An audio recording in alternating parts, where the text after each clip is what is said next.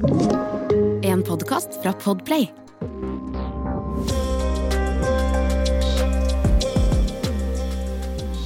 Ok, men Ludvig, jeg eh, Jeg må høre mer.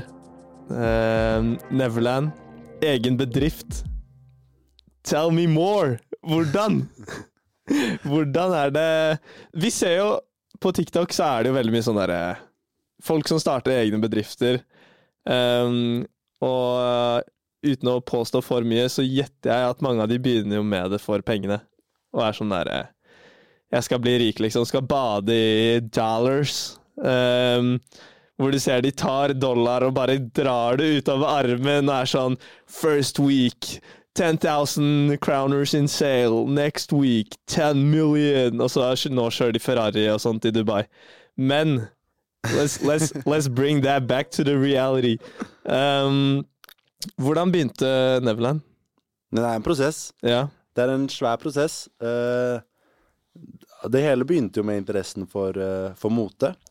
Uh, lenge drevet med, med Instagram og, og delt bilder av meg selv og hva jeg klarer å sette sammen av antrekk. Og det utvikla seg til at man begynte å tenke mer kunstnerisk.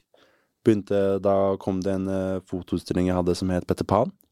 Og Petter Pan eh, førte til Neverland Mm. Vintage.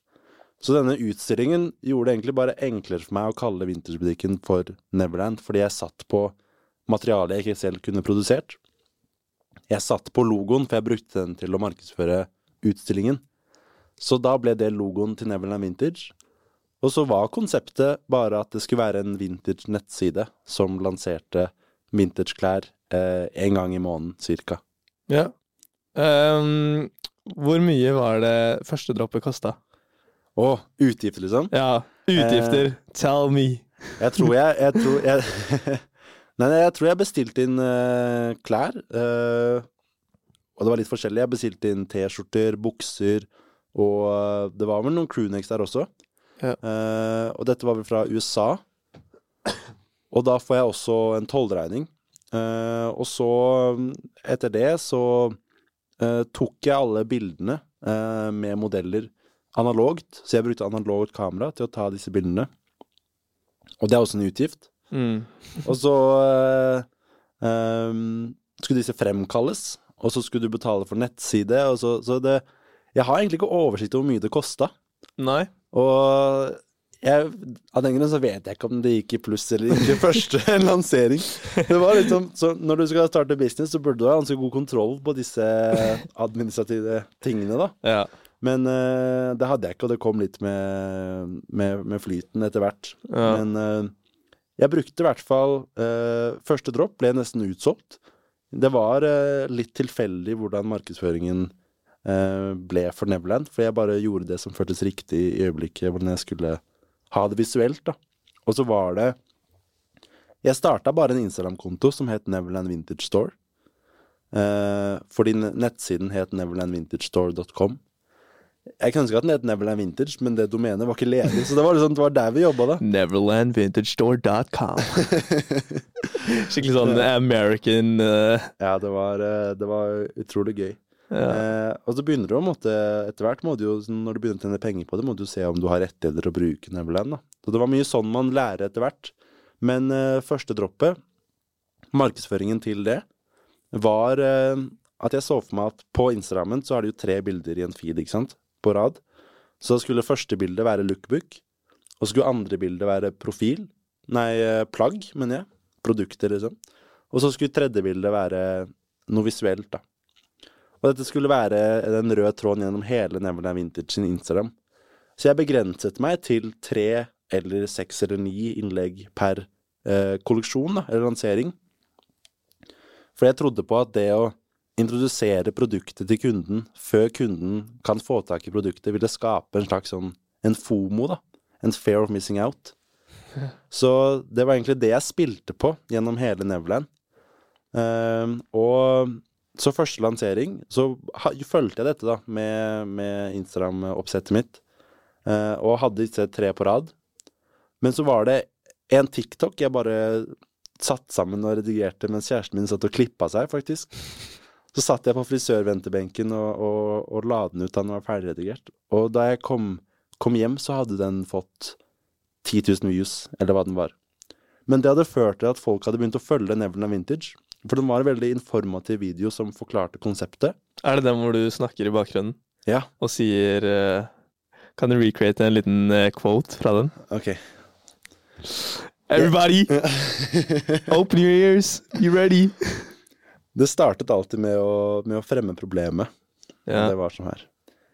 Jeg synes at vintage-tøy i Norge er altfor dyrt. Så dette er Neverland Vintage. Sånn kunne det gå. Og så var det en dritharmonisk musikk Så kommer det. noen Så sånn dun, dun, dun, dun, dun, dun. Jeg brukte alltid, jeg brukte alltid sånn Frank Ocean og Tyler Creator og sånn på, på de greiene. Det var vibes, da. Ja, det slo, og den sounden funka på TikTok. Og jeg syns det funka som bakgrunnsmusikk, så det var noe Frank Ocean på første, tror jeg. Men uh, videoen, både visuelt og, og med stemmen, bare informerer om hva Neverland er, hvordan det funker. Og det slo an. Den, den, eh, den gikk veldig bra. Og det, jeg hadde alltid en call to action på slutten av videoen, som ledet til at du skulle begynne å følge oss på Instagram, for der kommer den skikkelige informasjonen om at nettsiden er ikke åpen før på søndag klokka seks, og, og at det er sånn klærne blir tilgjengelig for deg, da. Det syns jeg er veldig smart, faktisk, fordi dagens Altså, mennesker, eller ungdom, ref dette Eller denne hendelsen, da, så er det jo veldig sånn De skal ha det Det skal være veldig lett å forstå hva det er, liksom. Og det, de, de gir altså blanke faen i hvordan Altså hvilke materialer det er, sånne ting. Det er bare nei, jeg skal ha pris, og jeg skal vite når det kommer, hva det er. Finito, liksom. Og så må man få de til å ha lyst på produktet i det hele tatt også. Ja.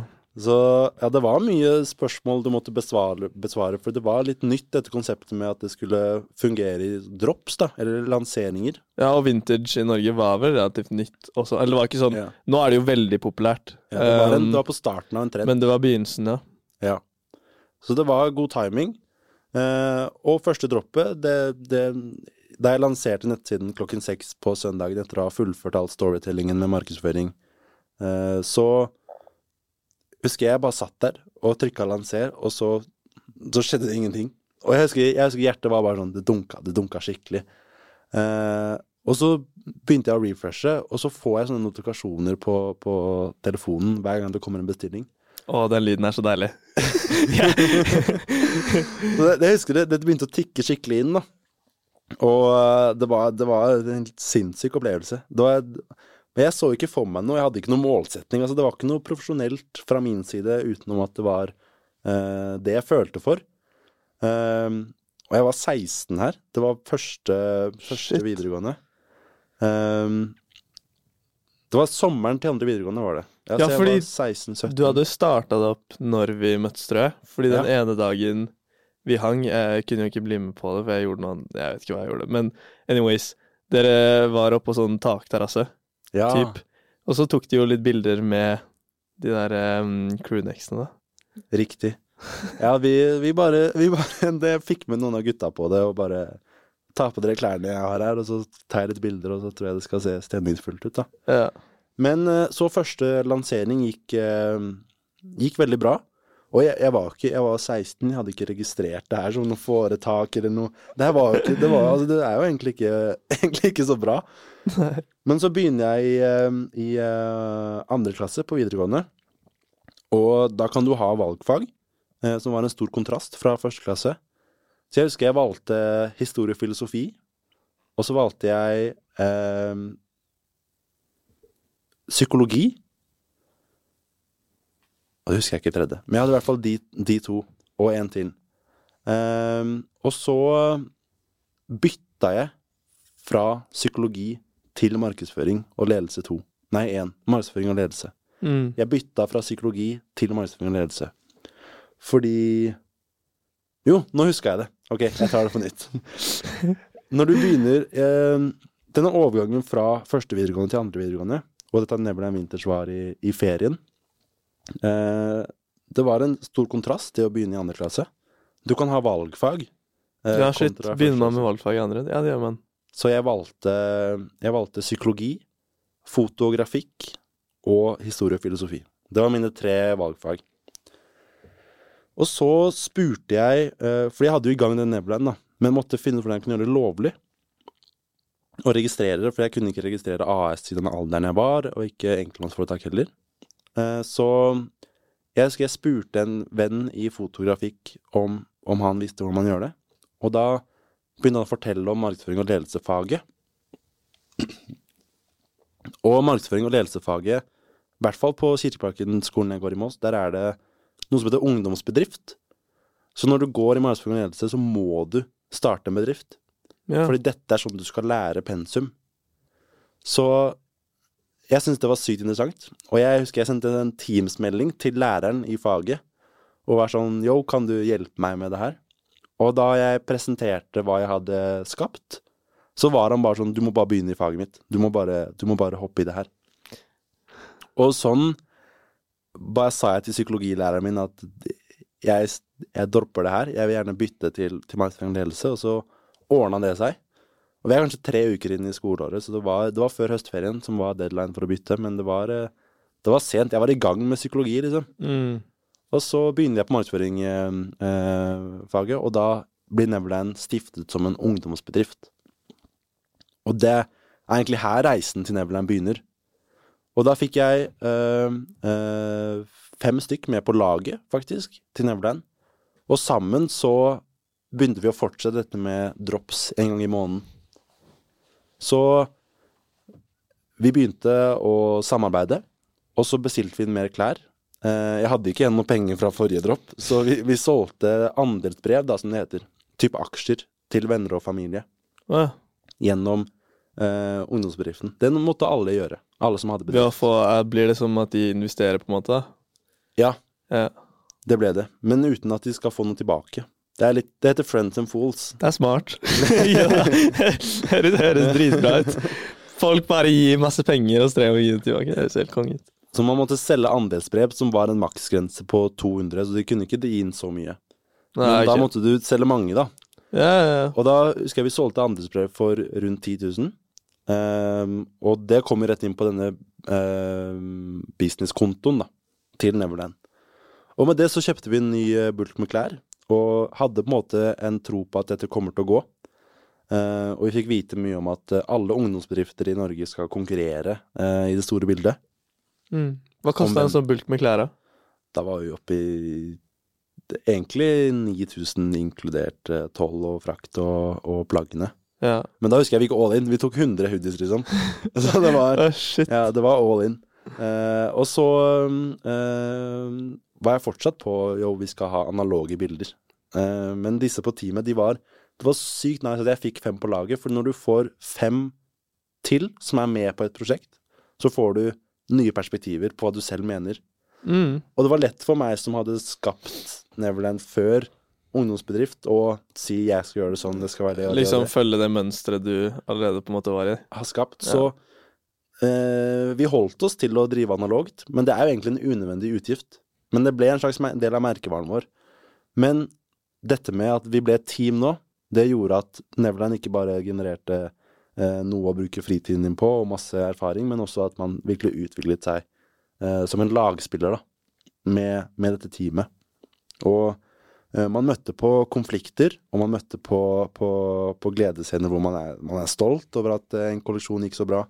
Og det var bare Det var, det var en sykt nice del av, av det hele. Men eh, ja, så denne andre lanseringen, eller første lansering med eh, Neverland som ungdomsbedrift, gikk Det er kanskje fortsatt til dag, den dagen i dag den beste av de alle. Det Vi tok eh, produktbilder sånn som forrige gang, og eh, la opp nettsiden, og vi la ut en ny TikTok som gikk enda bedre enn den forrige. Den gikk opp imot 50 000-60 000 views, og da husker jeg vi, vi, vi bikka 1000 følgere på Neverland at, at this moment.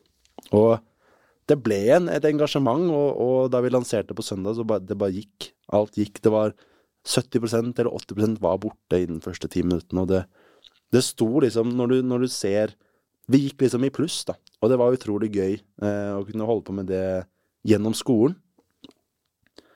Og dette gjorde vi eh, fem, fem ganger. Fem drops hadde vi da, sammen som et team, og, og man eh, lærer like mye og enda mer hver, for hver gang.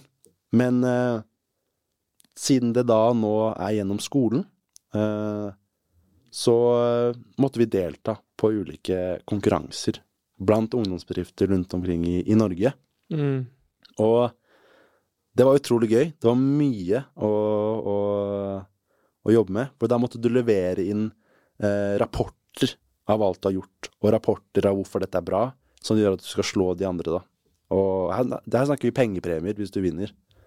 Um, og rett før siste kolleksjon, før disse, dette fylkesmesterskapet, da, som det heter, hvor vi skulle konkurrere med bedriftene i hele Viken om å være beste ungdomsbedrift, så fikk vi inn en ekstra på teamet til Neverland.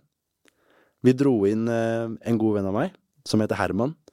Og han hadde noen kunnskaper som ingen av oss hadde. Han kunne Photoshop, og han kunne redigere videoer i, i Premier Pro. Og da skapte vi eh, reklamefilmer, plutselig. Vi begynte å skape mer, for vi hadde Nå hadde vi tilgang på en som faktisk kunne få ideene ned på noe visuelt. Han kunne skape det for oss. Og hadde masse innspill selv å komme med. Og her føler jeg Nevland levela skikkelig opp, da. Så vi lagde en reklamefilm som skulle være til konkurransen, men som vi brukte til våre, våre egne plattformer. Og ting ble plutselig mye gøyere når du kunne skape mer enn det du hadde sett for deg i begynnelsen. Og eh, Så vi leverte gode dokumenter og reklamefilmen til, eh, til eh, fylkesmesterskapet, som er i regi av Ungt Entreprenørskap i Norge. Og det var utrolig gøy, en opplevelse. Skoler fra hele Viken samla seg i en, i en eh, konferansesal ved, i Sarpsborg. Jeg er så nysgjerrig. Hvordan var Fordi jeg vet at når det er ungdomsbedrift, så er det sånn Folk er jo forskjellige, altså mennesker er forskjellige, så det er jo så mye forskjellige syke ideer. Altså, jeg tror, hvis jeg ikke husker feil, så skulle søsteren min Hun gikk til sånne markedsføringsgreier også. De skulle typ lage en tannbørste som hadde en tannpirker på nedsiden, liksom. det er sånn helt sånn random ting. Og så har du folk som lager capser, du har folk som lager hoodies. Var, var det noe som var sånn derre What the fuck, liksom? På den Det- eh, Det er interessant hvordan hjernen funker når læreren tvinger deg til å skape noe. Ja, det er det. Man blir på en måte pressa inn i en kreativ situasjon, og kreative ting skal egentlig flyte på ganske naturlig. Og hvis ikke det er noe du er interessert i, egentlig, å skape noe, noe visuelt, så, så tror jeg det er dritvanskelig, faktisk. Hvis en lærer skal si 'skap en bedrift', liksom. Det er jo kjempevanskelig. Ja. Uh, så det er bare masse forskjellige av ideer. Og det var mye bra. Kjempemye bra. Folk er ekstremt flinke. Og jeg tror Ungt Entreprenørskap virkelig altså, tenner en flamme hos folk som viser at det faktisk er mulig. Fordi når du får se folk som også klarer det, på samme alder så ser du at ting virkelig er mulig, da. Så eh, det var mye bra, og selv selvfølgelig var det noen som ikke brydde seg så mye og bare gjorde det de måtte. Men folk satsa skikkelig som ungdomsbedrifter, og det var konkurranse ja. på fylkesmesterskapet.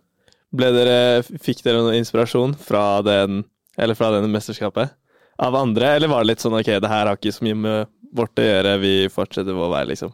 Vi var de eneste som drev med klær, om jeg ikke husker feil, og vi var nok ganske fokuserte på og, og, og spente på å se om vi kunne vinne noe, da. For det var masse kategorier du kunne vinne i. Det var liksom beste reklamefilm, beste markedsføring, beste forretningsplan, beste pitch. Altså det var masse. Fordi dette var etter dere hadde vært i gang med salgene allerede? Ja, nå hadde vi solgt ja, så dere visste på en måte Dere hadde allerede fått en liten bekreftelse på at ok, det her er bra. Ja. Det er publikum for det, liksom. Virkelig. Ja.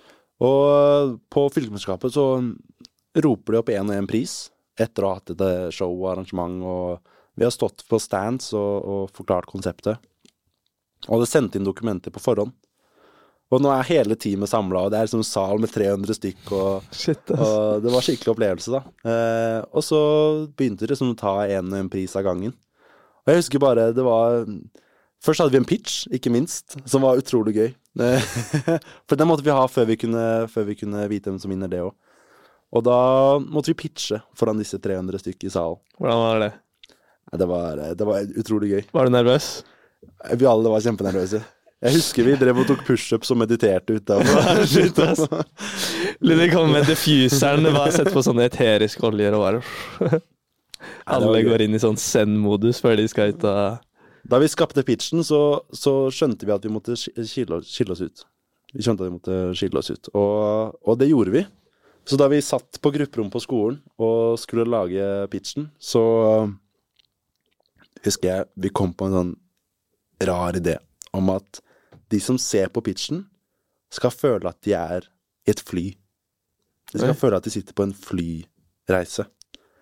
Og den som pitcher, skal være kapteinen som snakker. Så pitchen ble en opplevelse istedenfor å bli noe du måtte høre på. Så eh, jeg, som startet pitchen, var kapteinen og sa til publikum, slash passasjerene på flyet, at nå skal vi til Neverland. For det er en ny destinasjon. Neste fly Det var sånn. Dere sitter nå på Neverland eh, flight. Jeg husker kapteinscenen. Det var sånn God kveld, mine damer og herrer. Dette er kapteinen som snakker. Nei, Vi ønsker, vi ønsker alle sammen hjertelig velkommen om bord på Nei, på flyet til Nei, vi ønsker alle sammen hjertelig velkommen om bord hos Neverland Vintage. Eller et eller annet sånt. Det er så lættis, faktisk. Og det var, jeg, jeg måtte gjøre til stemmen min skikkelig. Og, og i pitchen skal du ha frem ting, for det er konkurransekriterier. Så du skal ha frem eh, hvorfor dette er bra. Da. Du skal si hvor mye du har solgt, for du skal, du skal skryte. Hvor mye var det jeg hadde solgt for? Da var vi oppe i 70 000. Shit. Og, og det var utrolig gøy. Men den pitchen var Vi var også sist som pitcha. Så det var, det var utrolig gøy. Vi vant beste pitch. Eh, og det var første prisen vi fikk. Og etter å ha vunnet en pris, så hadde vi fått beskjed om at da må du gå ut, for da skulle du ta bilde foran en pressevegg hvor du holder sjekken.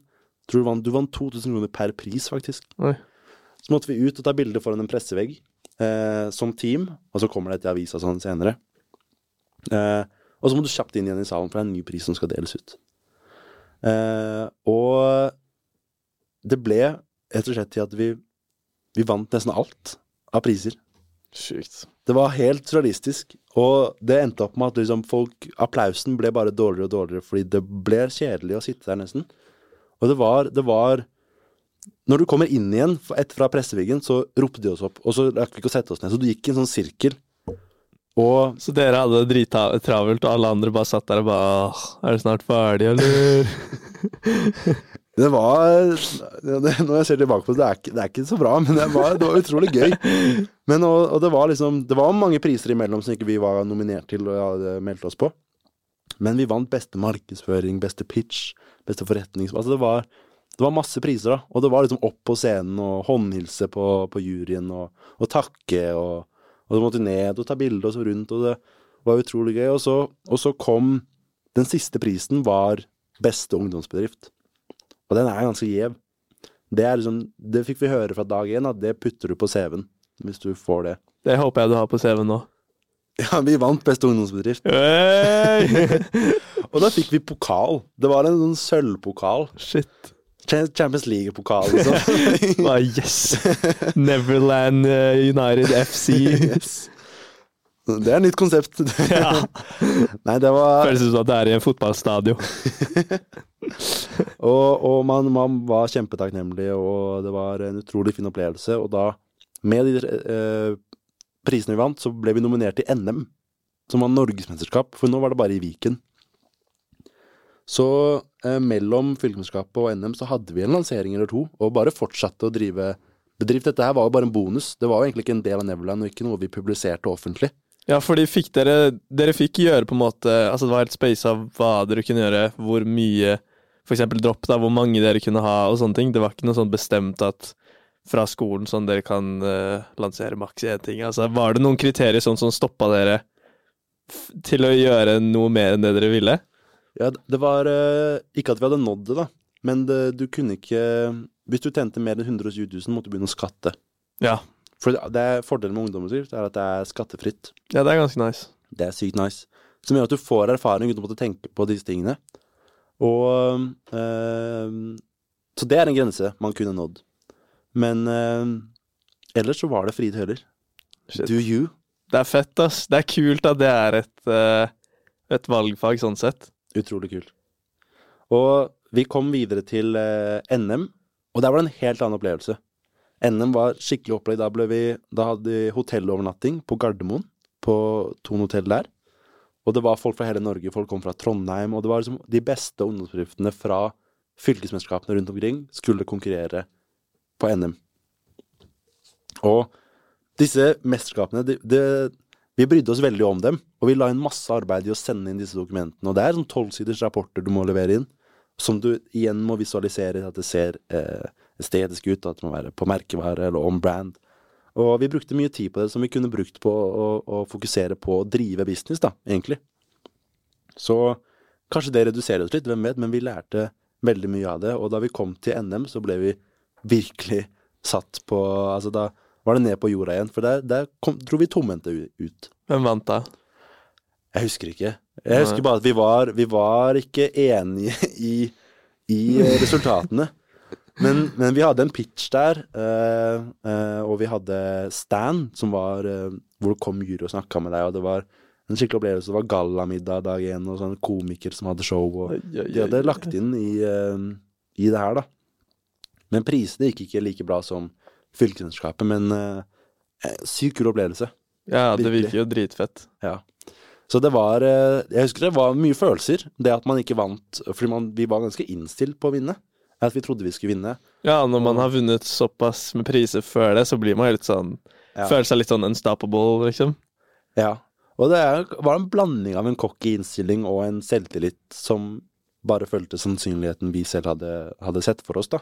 Men det var et helt annet nivå på NM og fylkesmesterskapet. Der hadde folk bikka 120 000 for lengst, og, oh, shit, og drev og hadde reklame for Rema 1000, og folk var flinke. What? Men øh, følte fortsatt at vi, at vi var der oppe på en eller annen måte. og og de, de kriteriene vi, vi tapte, som i markedsføring eksempel, der var det Det var Uh, Man kan argumentere for at eh, det var fortjent, men det var masse som, som kunne argumentere mot oss. Så nå har jeg bare mitt eget perspektiv for det, men uh, jeg husker vi var litt irriterte, og jeg husker vi gikk til læreren hva er det her for noe, ja, vi var, vi var noen rare kids. kids. Ja, ja. Det er jo bare ett år siden, altså vi var jo ikke så kids. Men Men, er man under 18, så er man vel kid. ja, vi er det. Men det var eh, dritnice opplevelse. Og, og, bare det at det er gjennom skolen, det var utrolig kult. Så, og dette med å drive Neverland, for jeg, nå jobber jeg også på Blank galleri. Eh, og det, det, var utrolig kult å bare kunne jobbe med kunst på så mange forskjellige måter. Drive med klær og se hvordan andre skaper kunst. Det var et inspirerende miljø å, å være i. Det henger jo veldig mye sammen. Det er litt som jeg, sier, som jeg har sagt tidligere, at det er sånn Du har musikk, du har kunst, du har mote, du har interiør. Og så får du veilede meg hvis jeg har glemt noe. Men i hvert fall de fire. Ja. Det henger så sammen, ass. Alt henger sammen. Ja. Kunstformene. Du har arkitektur. Du har eh, maling, som mange ser på som kunst. da. Du har musikk. Eh, film, som i kino-cinema, som det heter. Du har performance, som i teater. Eh, litteratur. Altså, det er så mye. Og mote er Det er ikke en kunstform, men jeg vil si det er en kunstform hvor alle kunstformene er blanda i én. Word. Fordi hvis du ser et runaway-show, det er performance. Ja, altså, det, det, det, er jo Det er jo en slags forestilling. De har på en måte skapt en stemning, da, litt som du sier med Neverland, om at uh, den som skal pitche inn, skal være pilot, og alle andre er passasjerer. De har på en måte De skal gi fra en følelse til de som da ser på. Om det er fra Jeg så det ene Jackimer-showet hvor det er liksom sånn Hva heter det? Sånn der eh, slags åkerblader, liksom. Eller sånn, du vet sånn stråhatter. Ja, ja, ja. Det ser ut som det. Og så bare faller de ned med sånne store, hvite gardiner rundt i en sirkel. Og så er det sånn Så på slutten av showet så er det liksom begravd i sånn den type stoff. Det var helt crazy. Og det blir jo sånn Det gir jo et sånt uh, bilde Eller det danner jo et bilde, da. Det er virkelig storytelling. Og så har du også de som er liksom Jeg så en på TikTok eh, for ikke så lenge siden hvor det var sånn Jeg husker ikke hvilket show det var, men uh, det var sånn at klærne deres og sånt Brille... Altså, brilleglasset falt av. Hælene falt av på de høye hælene. Og så på slutten av showet så kommer hun ut, da, sånn, hun designeren. Og så bare faller den veggen bak, og så ser man liksom backstagen, hvor alle er sånn wow! Og det var sånn da danner man jo liksom Folk blir jo sjokka, ikke sant? For eksempel Division da, i København, som har det der hvor uh, hun som liksom avslutter showet, hun har på kjolen, og kjolen hennes er uh, duken. Så når hun går, og reiser opp, så blir folk sånn what the fuck, og så faller liksom alt av tallerkener og sånt, så bare går hun. Det er jo så fett. Ja, for hun- sitter ved et bord, Ja. og så har hun på seg en kjole som bare ser Som helt vanlig ut. ja, som ligger over bordet som en slags sånn derre ja, duk, da. Og så bare går hun, og folk blir sånn what? Du ser han ved siden av sitter med en drikke, han skal sette den fra seg, og så bare wow! Så faller det, liksom. Ja, det er ingen grenser. Mote er eh, en, en, en fin kunstform. Ja. Nei, det er så fett, ass. Men eh, ja, da håper jeg at vi har pitcha en eh, markedsføring bra til du som lytter, at du velger det på skolen. Nei, Da kødda. må du gå for, ass. Ja. Nei, men virkelig, ass. Det virker som et fett fag. Og jeg skal ikke lyve når jeg sier at jeg angrer litt på at jeg ikke valgte det. Um, men eh, ja, vi håper at du som hører på, har eh, virkelig enjoya denne episoden, og at du har fått noe nyttig ut av det. Hvis du har lyst til å starte et brand, start et brand. Hvis du har lyst til å begynne å male, begynn å male. Hvis du har lyst til å bli kunstner, bli kunstner. Bare gjør det du vil. Og husk at du må skatte. Ja, det kan også være viktig å påpeke. Ikke tjene over 120 000 hvis du er en ungdomsbedrift, for da må du skatte. Tror du, jeg tror økonomidelen kan gjøre at folk unngår disse egne veiene. Nei, men 100% Altså, bare det å starte også. Sånn, første jeg lurte på når jeg vil begynne et eget brand, var ok, men hvor mye koster ting? Mm. Så Det koster Altså, skal jeg være helt ærlig, det koster nesten hva man vil det skal koste, ass. Det er sant. Det er veldig sant. Du, Så- kan, du kan leie inn en fotograf. Du kan eh, skape klærne selv. Du kan Ja, du, så du kan være fotograf selv òg. Altså, det, er- det, er ingen- det er ingen grenser! Du kan bruke venner som modeller. Ja, det gjorde jeg. Jeg òg. Så nei, virkelig, bare kjør på, du som hører på. Bare, bare gun på, ass. Um, så ses vi i neste episode. Ludvig, takk igjen for at du var på episoden. Takk for meg. Takk for at du var på Liam Blear Voksen Ish. Så ses vi når vi ses. Ha det.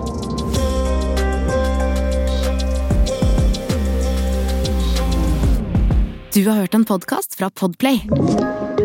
En enklere måte å høre podkast på. Last ned appen Podplay, eller se podplay.no.